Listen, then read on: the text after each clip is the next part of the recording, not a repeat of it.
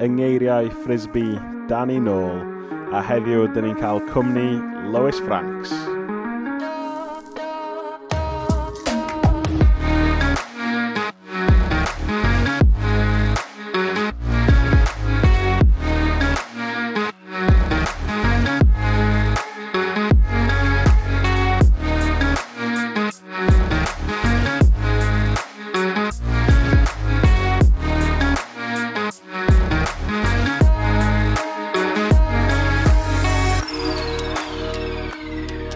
mae ma Lewis yn ymuno fan ni Steff a ei, dwi'n admitio, dwi'n dwi edrych ymlaen i pob sgwrs, ond dwi yn really, really, really falch bod ni efo Lewis. Da ni finally o'r diwedd di pinio yr dynes fwyaf prysur yn ne Cymru i lawr, which, um, yeah, Steph is not a, not a small thing. Na, nes di hefyd dweud hynna am Sian Rhys oedd yn Steffa ddo, Josh, so um, oh. mae pawb ti'n siarad o'n really brysur. Dwi'n e be, ond mae'n wir ddew, Steph, da ni wedi sicrhau efo'r uh, y cyfres yma. Um, few big names, so dwi'n dwi dwi, on, dwi honoured. Dwi'n mynd i ddilyn hi nawr. Hey. Ac wythnos nesaf, da ni efo'r Power Hour, efo Gareth a Lydia. Oh, legends! Awesome. Nuts. Ie, Uh, yeah, mae'n rili really dda i cael ti hefo ni, Lewis, wrth i ni edrych ar y thema yma o'r ysbryd glân a dod efo fel bring it home yn yr wythnosau nesaf, kind of sut mae hwn yn ei gwahaniaeth yn bywydau ni o ddydd i ddydd ag yn bywyd yr eglwys.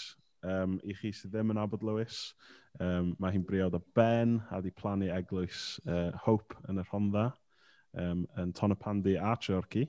Um, gyda nhw dau o boes, Caleb a Evan, um, sydd yn llawn bywyd ac yn wych. Um, ag ie, yeah, ni'n mor ddiolchgar i ti Lewis am dod i rhannu efo ni heddiw. Um, achos wrth gwrs, nes di cyfarfod Jos gynta pan nes di symud i Bala.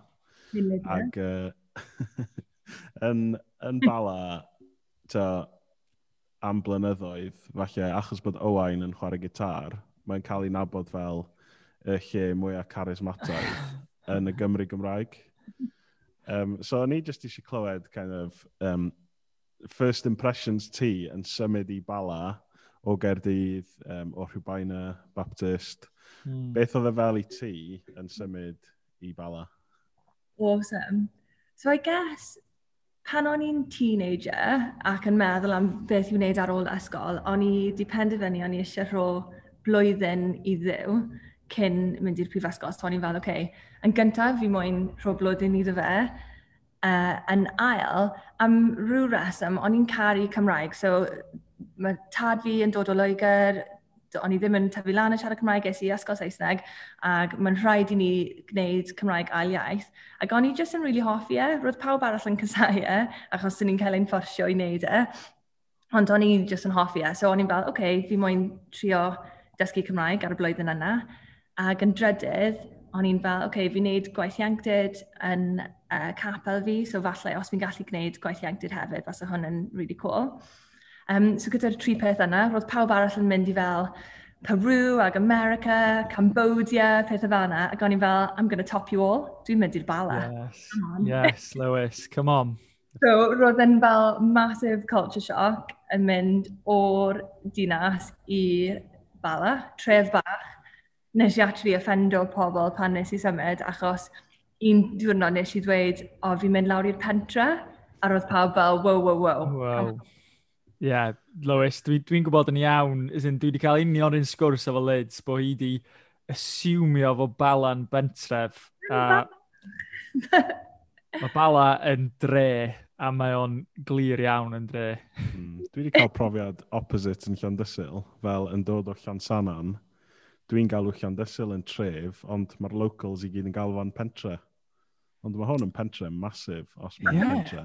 Fydd am bobl sy'n dod o'r gogledd fel rhyw fath o complex. Os oes... sy'n actually yn pentrefi. Dwi'n meddwl, yr diffiniad ydy, os oes gennych chi Indian takeaway yn, yn yr lle, mae ganddo chi tre. Um, Na pan nes i symud i'r baled, oedd y Indians yma na. Wel, Lewis, wrach dyna ar ei confusio chdi. So... Ond oedd... Fel be? Neuad Byddig, y legend. O oh, ie, yeah, mae'r cinema. Dyna oedd yn tynnu bala fyny i tref status. Yeah, Definitely y cinema neuad Byddig. so I guess ar ran eglwysi, o'n i wedi tyfu lan dan uh, fugeiliau David Olton yn ABC, so o'n i'n cyfarwydd gyda fel byd Cymraeg tipyn bach. Ond cyn i fi symud i'r bala, o'n i ddim really wedi bod i loads o gapeli neu unrhyw beth fel yna. So roedd hwn yn wahanol iawn i fi. O'n i wedi tyfu lan, lan mewn eglwys gyda fel 400 o bobl falle. Ac roedd hwnna just yn normal i fi, 30 o bobl yn y, yn y clwb ieunctid, fel yn y kind of o blwyddyn 7 i 13 but probably mwy o bobl actually. So i fi symud i'r bala lle roedd plant yn mynd i'r capelu heb unrhyw un arall yr un oed yn nhw, roedd yn hollol fel culture shock. A nes i sylweddoli, sylweddoli o'n i wedi cymryd fel loads o pethau just am granted yn tyfu lan yna. A fel, yeah, I suppose, roedd Owain yn chwarae gitar, so roedd hyn yn wahanol i bawb arall yn y capelu Cymraeg, achos roedd y doc yn strumming away fel legend. Oedd yn cael ei gweld fel lle, fel charismataidd iawn. Yeah. Mm. I think so, i fi, just achos roedd y doc yn chwarae gytar, dydy hynna ddim yn golygu bod it's not kind of a hard and fast deal bod yr ysbryd yn symud, just achos mae rhywun wedi pigo lan gytar neu mm, mm. tempo yn yn wahanol neu maen nhw'n canu cerddoriaeth fel cyneuon modern. Mm. Maen nhw rhywbeth arall yn, yn mynd ymlaen yn yr atmosffer yna sydd hmm. yn neud e'n wahanol a dwi e ddim lawr i rhywun yn pigo lan gitar. Ie. Yeah. I guess yn ymlaen ni. Be ti'n mm. meddwl? Nes ti tyfu lan yn yr... Ie, yeah. wel, dwi'n meddwl mae wedi bod yn um, nwedig ers symud o Bala a Mae priodi actually di agor um, llygaid fi lot i weld um, exactly beth ti'n dweud, Lewis, di. Um, just y ffaith bod wrach cyfarfod bach fwy bywiog um, i weld yn bala um, neu yn sold out, dio ddim necessarily yn golygu, ie, yeah, bod ni'n cweithio fo. Ddim, bod ni ddim isio, ond bod ni really just ddim hefo um, lot o syniad o be mae o'n edrych fel i really camu fewn i pethau'r ysbryd. A dwi o'n ddiolchgar am ie, yeah, arweinyddiaeth dad, cys dwi'n gwybod um, bod fo a mam really di cael um, huge dylanwad o, well, really, spectrum cyfan yr eglwys, um, ond dwi'n gwybod yn, yn, yn, y, yn y byd charismatig bod nhw wedi cael profiad o'r, or ysbryd yn symud ac ar waith, ydy definitely trio um, annog hwnna yn lot o'r um, criw sy'n dod i bala, ond da ni'n dod mor aml o cefndiroedd mor wahanol, um, mae o hyd yn oed yn cam eitha mawr i wrach mewn cyfarfod noson ola sold out rhoi fy llaw i fyny tra mae'r cerddoriaeth yn mynd ymlaen a dyn ni'n teimlo that is probably the limit I can go to. mm. um, Cynta nes i rhodd llaw fi lan ac o'n i'n fel, oh my days, beth sy'n digwydd fel. Be, yn bala? Na, na, cyn bala. So, oh, okay hyd yn oed o'n i wedi tyfu lan mewn eglwys fel mwy, a, mwy charismatic, roedd yn... Mm. Mm-hmm. Doedd e ddim yn crazy. Fel fi'n cofio Sian yn dweud oedd nos diwetha fel naturiol, pob peth jyst yn naturiol. Mm. Dim byd fy'n cael ei fel forced atmosphere o pethau, dim byd freaky. Roedd Rubina yn kind of chilled ar y spectrum, I suppose. Mm. Ond um, pan dych chi'n tyfu lan mewn environment fel yna, mae'n mae'n hawdd, hawdd i feddwl fel, oh, that's something for the grown-ups, ond ni fel plant ddim yn behafio fel yna.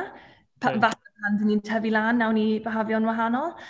Ond es i, i so chi'n nabod Gary Smith, a wnaethon nhw ddechrau Ignite. Um, so roedd Ignite yn dod ar grwpiau ieuenctid o loads o eglwysi, ledled Caerdydd a De Cymru yn dod at y gilydd i gael fel un gwasanaeth gyda'n gilydd, gyda cerddoriaeth a rhywun yn siarad y pethau fel yna, fel sold out really, ond I guess a bit bigger. Ac um, nes i weld pobl yr un oed a fi yn trio cyrdd â Dyw am eu hunan ac yn mm. ddim yn dibynnu ar rieni nhw neu yn just, just, I don't know, edrych o gwmpas, ond roedd nhw yn hungry ac expectant i weld Dyw yn symud yn eu bywyd mm. Mm. Ac hmm. o'n i'n fel, okay, hold on. So maen nhw'n neud e, a maen nhw'r un oed a fi. Falle mae hwn yn rhywbeth fi'n gallu profi nawr hyd yn hmm. oed dwi, dwi dal jyst yn 13, 14, 15, 15 beth bynnag o'n i. So fi'n cofio tro cynta, o'n i fel, oce, okay, fi eisiau codi llaw fi lan. A dydy hwnna hyd, hyd yn oed ddim yn golygu... Na, dydy, na. Dymyd yn y doniau ni yn hmm. cyrraedd mm. ar ysbryd. Ond I guess mae'n dangos bach o intention ni falle. Mm, mm, mm. Wel, oedd hwnna'n, fel beth ti'n sôn am fan er, er hunger a'r disgwyl yna mm. i, i cyfarfod y dew neu i profi um, dew ar waith. Fel, ti ar un amser ac o ti'n symud i bala, oedd Derek yn symud i Llansanan, um, hefyd o Rwbaina, so cefndir tebyg i ti, I suppose. A oedd hwnna'n un thing nath taro fi pan o'n i'n mynd gyda fe i, i um, pregethu, achos oedd Derek ddim yn gyrru, so o'n i'n dreifo fe i pregethu un dydd.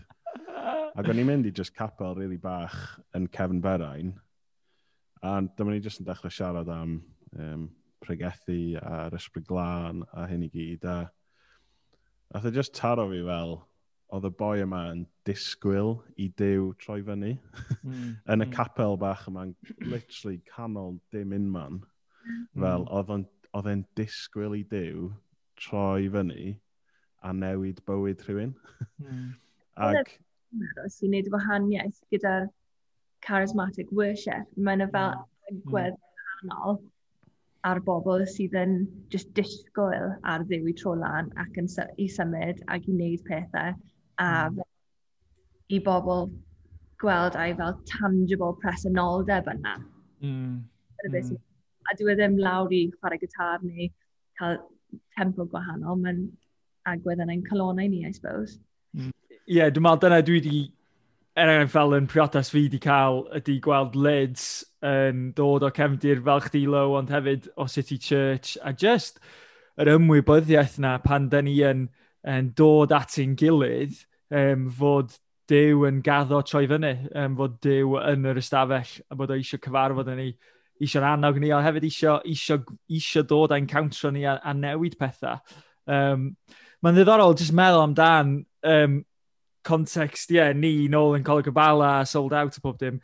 Dwi'n meddwl mi oedd yna fwy yn mynd ymlaen a probably oedden ni'n sylwi um, a probably ddim yn galw fo yn um, wrach ni'n cerdded fewn i doni ar ysbryd, ond mi oedd o'n digwydd beth bynnag chydig bach. Dwi just yn y sgwrs yma wedi cael fy atgoffa o fel, tro lle oedd fi a Steff yn y capel, dwi'n meddwl bod Steff yn o'n cofio hwn, um, ac o'n i, o'n i ddim fod yn sold out, o'n i'n, dwi'n meddwl, 13-14 um, yn yr cefn efo Steff ac yn chwarae gwmpas, um, a ddim really yn grando, nes i pobl ddechrau do fyny a rhannu y ffordd o Dyw wedi bod ar waith yn ei bywydau nhw a di, um, sy'n mae Dyw wedi siarad efo nhw a dwi'n cofio ni'n ni, gorffen y noson mewn dagre tu allan yn gweddio fe'n gilydd dros symudiad newydd gan Dew, ac o'n i jyst yn meddwl, well, probably hyn oedd yn y moment yna, mi oedd na um, proffwydo'n digwydd, um, mi oedd pobl yn siarad bywyd fewn i'w gilydd,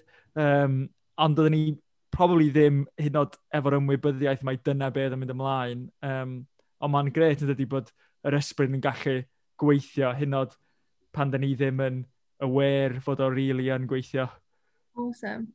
A fi'n meddwl mae hwn well mewn rhyw ffordd, because fel fi wedi cael profiadau lle mae rhywun wedi trio fel hypo fe lan ac yn creu profiad a mae wedi dod am amdano ni yn hunan yn lle fod am ddiw, Mm. A mae mm. wedi gwneud fi yn teimlo'n rili really anghyfforddus i fod mewn environment fel yna lle mae pobl yn trio hypo fe a creu rhywbeth human, I suppose. Mm. A mm newydd yn symud yn just, dwi e ddim angen ddwyfan neu dwi e ddim angen cynulleidfa enfawr. Mae fe jyst yn gallu cyrdda dau teenagers mm.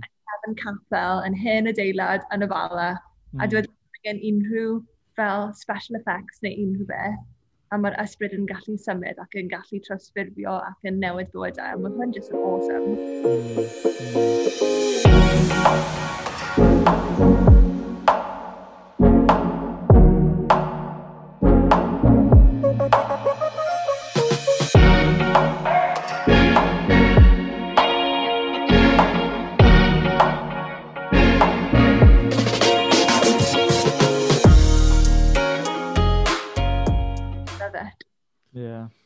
Ie, mae hwn yn edrych fel te, yn bywyd yr eglwys yn hope fel te, um, os yna pethau ydych chi'n neud neu ydych chi'n eitha bwriadol yn y disgwyl yma, y disgwyl i Dyw siarad hefo pobl a annog pobl trwy i gilydd a trwy'r ysbryd?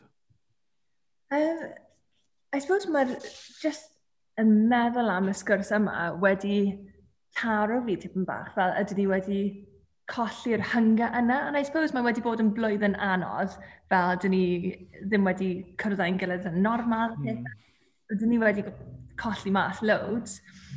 Ond fel, yeah, I suppose, yn capel ni, dyn ni eisiau fod ar agor i ddiw symud rhyngddyn ni ac ar agor i glywed beth mae fe mwyn dweud.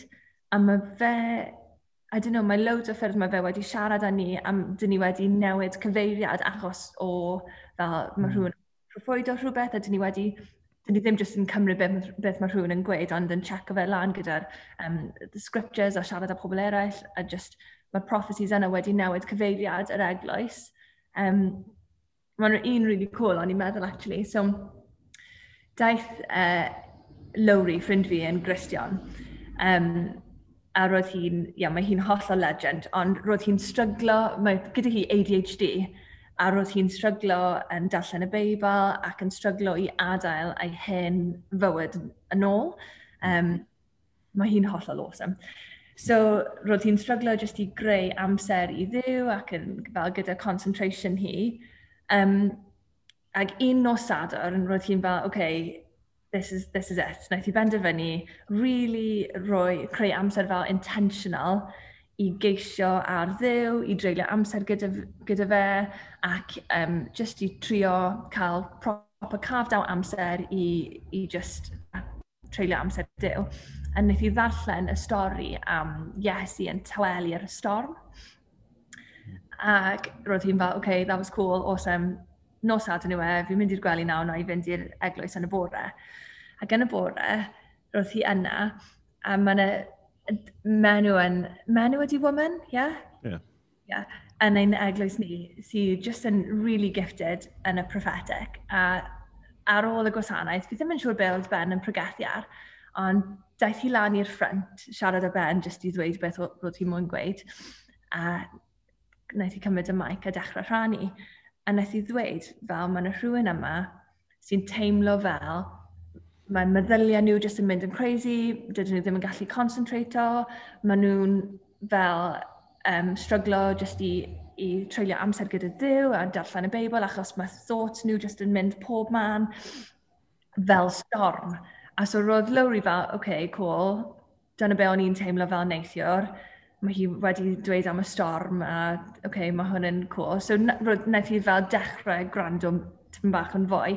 A wnaeth Julie just caru ymlaen yn dweud, a wnaeth hi dweud, fi just moyn darllen darn o'r Beibl, Iesu yn tywelu'r storm. A so wnaeth i ddechrau darllen e, a roedd Lowry just mewn dagrau. Roedd hi'n fel, mae Dyw wedi siarad y fi.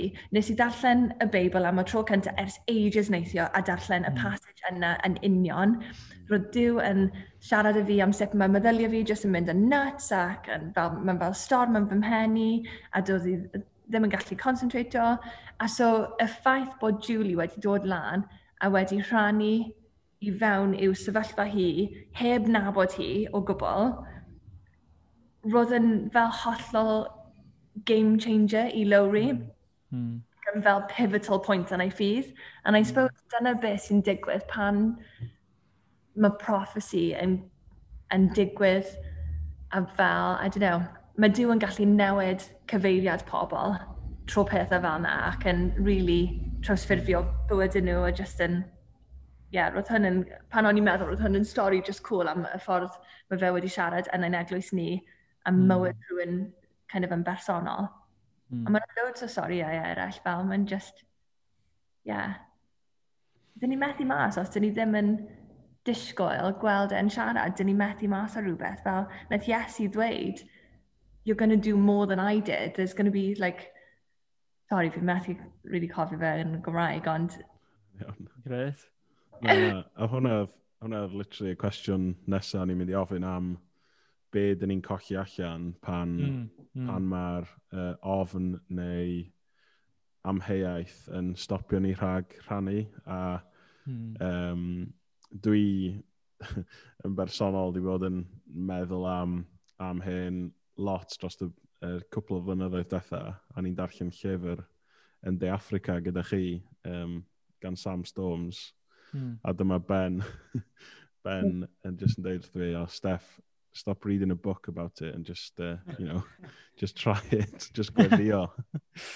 um, ag, ta, hwnna kind of dechrau siwrna i fi, ond dal fel rwan a neithiwr wrth i ni cael astudiaeth yn ffynnon a amser o'n gilydd, mae ma ma, rhywbeth yn dal ni nôl rhag, ag ie, yeah, mae yn naturiol i fod eisiau annog pobl a mae yn naturiol pan mae Dew yn rhoi fel adnod neu um, fel dameg neu rhywbeth ar meddwl ni bydd yn rili really annog rhywun. Mm. Ond, dwi'n weld, be, be ydych chi'n meddwl ydy'r peth yna sydd yn dal pobl yn ôl? Mm. Mm. Mm. Yeah. Ydy o'n rheswm uh, fel naturiol, neu ydy o'n rheswm ysbrydol, neu bach o'r ddau? bach o'r ddau, fi'n meddwl. Be ti'n meddwl, Jos? Ie, yeah, fi am deud bach o'r ddau. Dwi'n... Dwi definitely'n resonatio efo chdi fan Steff um, o ran dwi'n gwybod amdan hwn, dwi'n convinced yn hwn hefyd, ond wedyn, ydy herwydd fod yna rhywbeth like, gyrwch naturiol amdano fo, fel there is a supernatural work going on, a dwi'n meddwl pan mae hynna'n, pan mae yna foment fel yna'n digwydd iddyn ni, da ni, dwi'n bod, da, da, da ni eisiau bron iawn uh, rationalisio fo, neu um, da ni'n ni, am fod o gallu rili really digwydd iddyn ni. Uh, dwi'n gwybod i fy hun fel dwi wedi cael darluniau neu gair i annog rhywun, a just ti'n am e, ti fel, dew di hwn, ydw i newid wneud o fyny, ydw i just isio hwn fod yn wir, um, a ie. Yeah. Os dyn ni wedi, os dwi wedi e, awesome, dyn ni'n gallu rhannu fe, ond os mae jyst yn rhywbeth yn ein pen ni, be dyn ni'n colli mas ar yeah. os yn gweud e anyway, ac yn mm. gweud, falle jyst fi yw e, ond test e, gweld os mae'n wir, gwyddio mm. amdano fe, siarad y pobl ti'n fel trysto. Mm. Yeah. Go on. Na, wel, fi am deud, nes i gael foment really, really tebyg fel yna hefo um, Owen pan o'n i just symud i Gaerdydd a uh, a rhoi really shortened version, ond nes i bwmpio fewn i Owen Cotter mewn random Starbucks yn dre Caerdydd, a ni heb di, uh, tro dwythaf i weld Owen oedd, dwi'n meddwl, yn sold out yn 2014 neu rhywbeth, pryd oedd o'n rhannu yna. Um, so gen am syniad os o Owen yn cofio pwy oedd fi o Owen Cotter, yn tueddu cofio pa o mae erioed i cyfarfod. So, ar un i cael chat a wedyn ar un i siŵr bod ni'n cael coffi ar ôl hynna. A ar Ewan deud, ar y ffordd i'r cyfarfod yna, oedd o'n gweddio dros fi o lids a nath na just darlun dod i'w meddwl o, ac yn union nath o ddeud yna, Lew, nath o ddeud, gallwn fod yn absolute rubbish, gallwn fod rhywbeth sydd ddim yn applio o gwbl iddo chi, ond tra ni'n gweddio dros chi, dyma nes i weld. A nath o rannu'r gair yna efo ni, a dal hyd heddiw, bydda ni dwy flynedd ar ôl y gair yna, a mae hwnna di cario ni um, trwy the ups and downs o'r dwy lwnau dwytha, achos oedd union, union be o'n i angen clywed. Um, a, yeah, yeah, na, powerful. A ti jyst meddwl, Flip, os bys o Owen heb rhannu hwnna, os oedd i amag i'r pwynt lle nath o'n rhannu, oh, bys ni ddim lle, da ni, dwi'n meddwl. Mae oh, hwnna'n amazing. A dyna'r peth, mae'n fel, os dyn ni ddim yn trio kind of profi diw fel yna, dyn ni methu mas loads fel, yeah, Nath Iesu ddweud wrth y disgyblion, paid y mynd heb ddech chi'n cael yr ysbryd, fel mae yna rhywbeth arall i gael, ar gael i chi. A fel wnaeth e ddweud, Iwan 14 adnod 12, credwch chi fi, bydd pwy bynnag sy'n credu yna fi yn gwneud yr un pethau ag ydw i wedi bod yn ei gwneud, yn wir, bydden nhw'n gwneud llawer iawn mwy. Mm. Mae hwn yn crazy, fel dyn ni ddim yn hyd yn, fel, dych chi'n siarad â fi fel fi gyda fe'n sorted yn hope. Dyn ni ddim o gwbl, dyn ni, mae yna loads, loads mwy ar gael. A fi'n meddwl falle yn llefydd fel de Af yn Africa neu de America, falle dyn ni yn y West just yn content i fyw heb dda fe. A mae'n fel mwy o desperation yn, I don't know, llefydd ddan o falle. Mm. Ni'n mm. ni gallu just mynd i'r eglwys, clywed gair, canu cyneuon neis, teimlo bach yn ffysi yn ein calonau ni yn mynd adre, dyna pob beth. Fel, mm. maen nhw'n dibynnu arno fe yn fwy na fi, na ni efallai. I don't know. Mm. Mm. Mm. Yeah. O'n i am gofyn felly, um, just yn meddwl amdan enghraifft chi, Lewis, fel, ie, yeah, ti'n deud, oce, okay, da ni ddim yr... Er, anywhere near lle da ni eisiau bod, ond da chi yn eglwys newydd sydd wedi cael ei blannu i cyrraedd tref a trefia ardal sydd really yn yn church, lle di pobl ddim efo unrhyw cefndir o gwbl yn yr eglwys ar, ar pethau mawr ysbryd. Um, sut bys chdi fel yn annog rhywun sydd wrach mewn context tebyg, a dwi'n gwybod wrach mae'r Cymru Cymraeg efo cemdi bach yn wahanol, ond da ni'n gwybod definitely da ni ddim hefo'r profiad llawer yma o gerdded fewn i pethau'r ysbryd.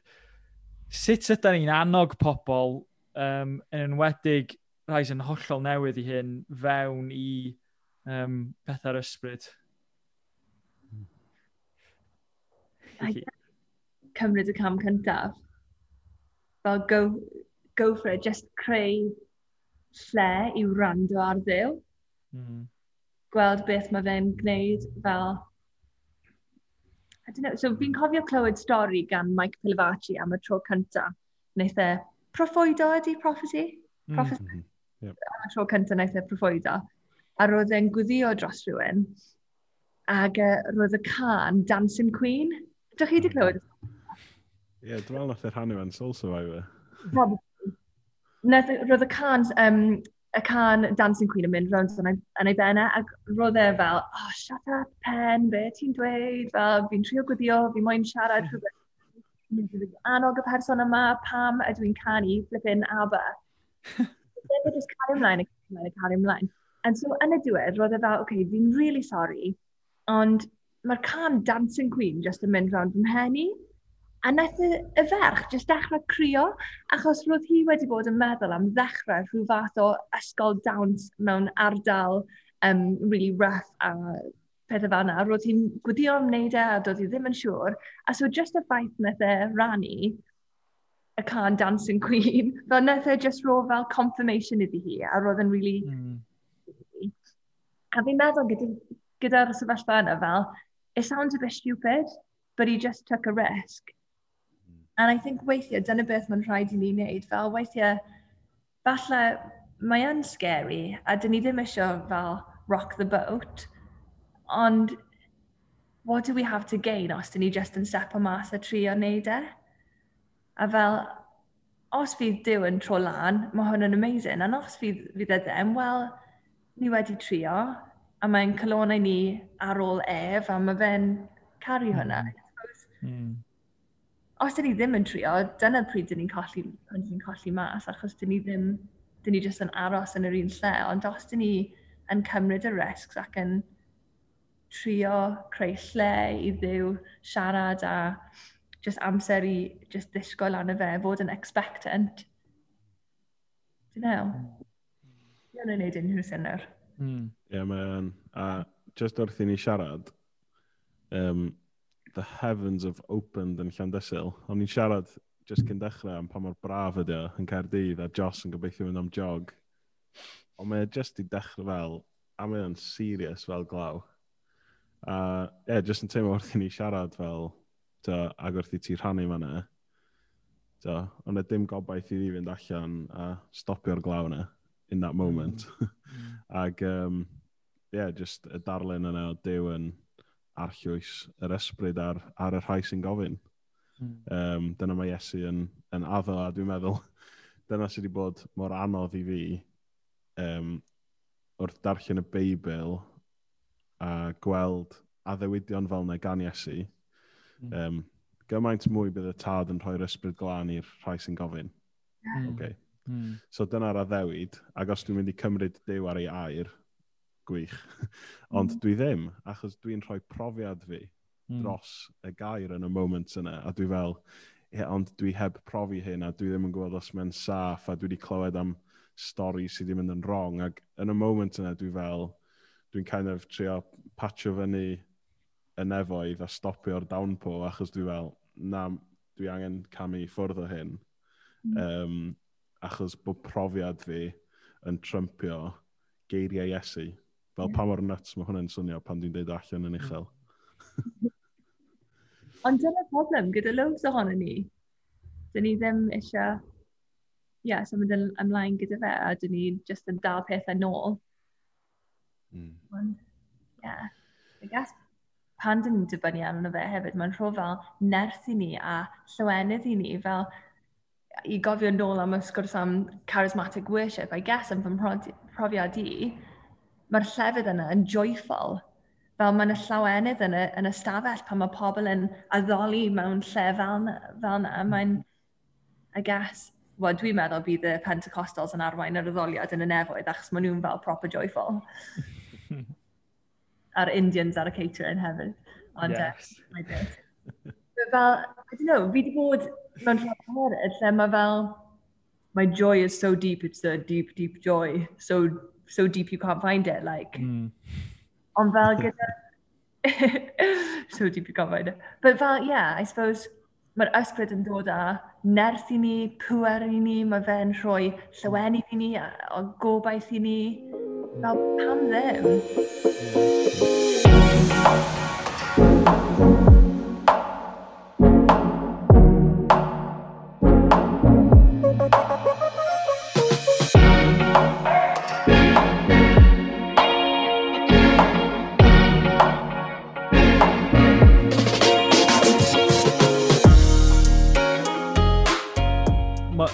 chdi fanna, Lewis, jyst i atgoffa fi o fel, ie, yeah, yr, yr, yr gwahaniaeth mae hyd yn oed ein cyrff ni yn gwneud un addoliad ni a wrach hyn oed ein profiad ni ar ysbryd, achos dwi'n gwybod ar hyn o bryd, ie, yeah, ar bore dy syl, dwi yn desperate i gael canu, ond dwi'n methu, um, so am spel a mor hir, ti jyst yn eista na, a ti'n mynd dim byd, a ti'n trio cymryd o fewn, um, ond yn ddiweddar, dwi wedi teimlo'n convinced dwi angen posturio fy hun bryd iawn, dwi angen sefyll yn rhaid, a dwi angen defnyddio fel kind of breichio fi a dwylo fi, just fel hyn o bron iawn i engageio calon fi. Um, a dwi'n bod jyst yn bersonol ac wrach mwyn yn anogaeth i'n eglwysi ni hefyd bod um, efallai ie, di canu a um, dod at i'n gilydd yn edrych yr un peth a mae'n dal bosib iddyn ni engageo'r ysbryd mewn ffyrdd gwahanol. Um, long-windedness, ond dwi'n mynd i ddod rownd a gofyn cwestiwn fel, be mae'n edrych fel heddiw then, os,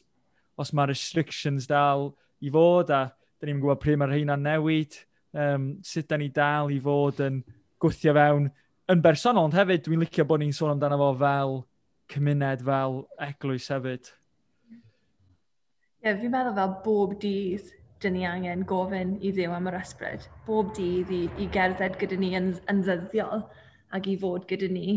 Fel, dwi'n dwi, credu fel pawb mae pan dyn ni'n dod yn, yn Grisnogion, dyn ni'n cael yr ysbryd a mae fe'n dod tu fewn i ni a dyn ni'n ni, ni cael e fel marc o fod yn, yn Gristion. Ond on, dwi'n meddwl mae'n yn fwy ar gael i ni. Dyn ni'n gallu cael e'n llenwi yn fwy ac yn adnabod e fel mae next level, I suppose fel, mae'n ma, ma lefel arall i fynd â i fynd i fel, wel fel nes i ddweud, nath i e ddweud wrth y disgybl... ac o'n i yn siarad, um, wrth y disgyblion, pan oedd Iesu yn mynd, nath i e ddweud, arhoswch yma, mae yna rhywun arall yn dod i roi nerth i chi. A mae yna fel, dyn ni wedi dod yn grisnogion, so mae gyda ni yr ysbryd, ond mae yna rhywbeth arall i ni gael yn bersonol. A fel, dwi'n meddwl dylsyn ni gwyddio am hynny bob dydd a gofyn i ddew i lenwi ni ac ail lenwi ni bob dydd hmm. ac i fod gyda ni a fel i roi yr nerth yna i ni ac i just i grifhau ni trwy ei ysbryd. Hmm. So, os os bydd y ramble, ond... Hmm. Na, defo. Dwi'n meddwl, Steffan. Sorry, fi'n hmm. gofyn cwestiynau i chi hefyd. Na fel na, sgwrs. Sgwrs ydi, ie, ie, true, true. A, a ni'n rhannu hwn hefo'r um, crew yn ffynon neithiwr. Dwi'n teimlo fel mae lot ohono ni'n blinedig, rili really flinedig ar hyn o bryd, a ddim just heb cysgu digon, ond just really yn gorfforol, yn feddyliol, yn ysbrydol, yn teimlo fel di cael ein llethu. Mm. Um, a dwi'n teimlo fel, fel rhyw fath o activist, default fi ydy trio cynhyrchu stuff from within a um, cynhyrchu y bywyd chrysnogol neu cynhyrchu y gallu i arwain eglwys neu pregethu neu beth bynnag. A dwi'n meddwl ia, be, be mae Dyw yn, yn deud wrth fi mwy na dim byd y dyddiau yma ydy just gofyn a gofyn a gofyn a na i llenwi a llenwi a llenwi. Um, achos dwi ddim yn mynd i cyrraedd pwynt o blinder neu salwch sydd yn mynd i fod beyond fel llenwi dyw. Um, so I guess, yeah, dyna di, dyna di just kind of taith personol fi just dros yr wythnos y dethau. yeah. And I suppose that mae'n dweud yn y ffasiad un fi'n meddwl, mae'n fel nerth ar gael i ni sy'n credu. So mae yna i ni i roi y nerth i ni. A dwi e ddim fel deluded optimism neu fel deluded just victory a triumph, beth fe, triumphalism. Mm. A dwi e ddim yn tocyn mas o'r struggles, ond mae'n fel nerth i ni wynebu sefyllfaoedd anodd ac i pan dyn ni'n teimlo yn flynedig fel yna, mae'n fel rhwng nerth ac yn, yn hanog ni tu fewn fel ddim just yn fel nice little encouragement, ond fel yn ein enaid ni, mae'n neud rhywbeth i just yn codi ni ac yn helpu ni i gario ymlaen. A dyna beth mae'r ysbryd yn rhoi, yn rhoi i fi, just yn nerth i, i gario ymlaen, i wynebu pethau hyd yn oed mae'n rili really anodd. Dwi e ddim yn fel free pass allan o'r struggles, ond mm. nerth i, i wynebu nhw. Mm. Yeah. Mm. Lewis, ni mor ddiolchgar i ti am sgwrsio hefo ni heddiw. Um, Iawn. o na, mae ma wedi bod yn amazing, seriously. A fel... Wedi siarad Cymraeg, and, well, tro'r peth i gyd just about, so that's a big victory. Yeah, Ti wedi defnyddio yeah. fwy o Gymraeg na fi. Um, so, ond just, just i annog chdi fel dwi hyn oedd yn dod i ffwrdd o fama, mae gen i, yeah, mae gen i ysfa, no doubt. Dwi isio bod mewn stafell efo teulu yng Nghyst fel yma yng Nghymru. Like I would, oh, dwi just eisiau cyfarfod sold out eto, uh, lle da ni yn neu'n byddig neu yn yr ysgol na.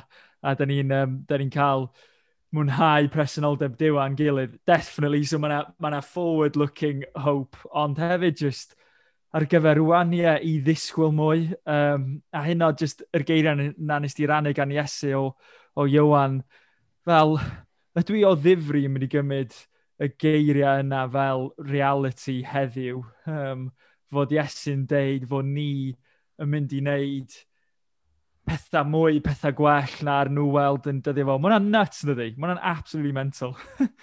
um, Ddim just dyfynu arno fe. Yeah.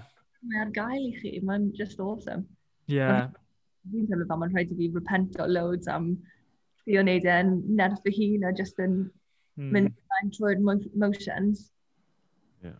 Exactly. A, a dyna sy'n digwydd mewn, a dwi wedi profi o fy hun yn y cyfnod yma, i guess mechanical, a um, mae o'n dod yn, ie, yeah, o'n rŵtín ond ddim mewn ffordd da, a dwi'n meddwl ti jyst i dod a bron am bywyd newydd fewn i hyn o just cerddediad personol fi efo'r arglwydd gobeithio, jyst hyn o di ddisgwyl hyn o heddiw ma neu bore fory pryd dwi'n gwthio allan y distractions, mae'r gair ar agor. Dwi gredu bod Dew eisiau cyfarfod a llenwi fi a newid fi hyn oed heddiw yma. Um, a mae o eisiau gwneud hynna iddyn ni fel eglwys hefyd. So, diolch Lewis, I've, I've loved it. Yeah. Sorry, o'n i jyst yn mynd i dweud, a y e mae angen fel cynulleidfa enfawr neu hyd yn oed Owain yn chwarae gitar. Mae jyst angen cael on... Siwr? It's a bonus, ond dwi e ddim yn necessity. Ond ie, yeah, just cael on sydd sydd eisiau fe ac yn gofyn, a mae, ma fe'n rhoi ei hun i ni, sinful people that we are. Mm. Awesome. Diolch am gael fi, diolch chi'n awesome. Mae'r podcast yma yn ffas. Legend. Diolch Lewis. we need that. Really cool.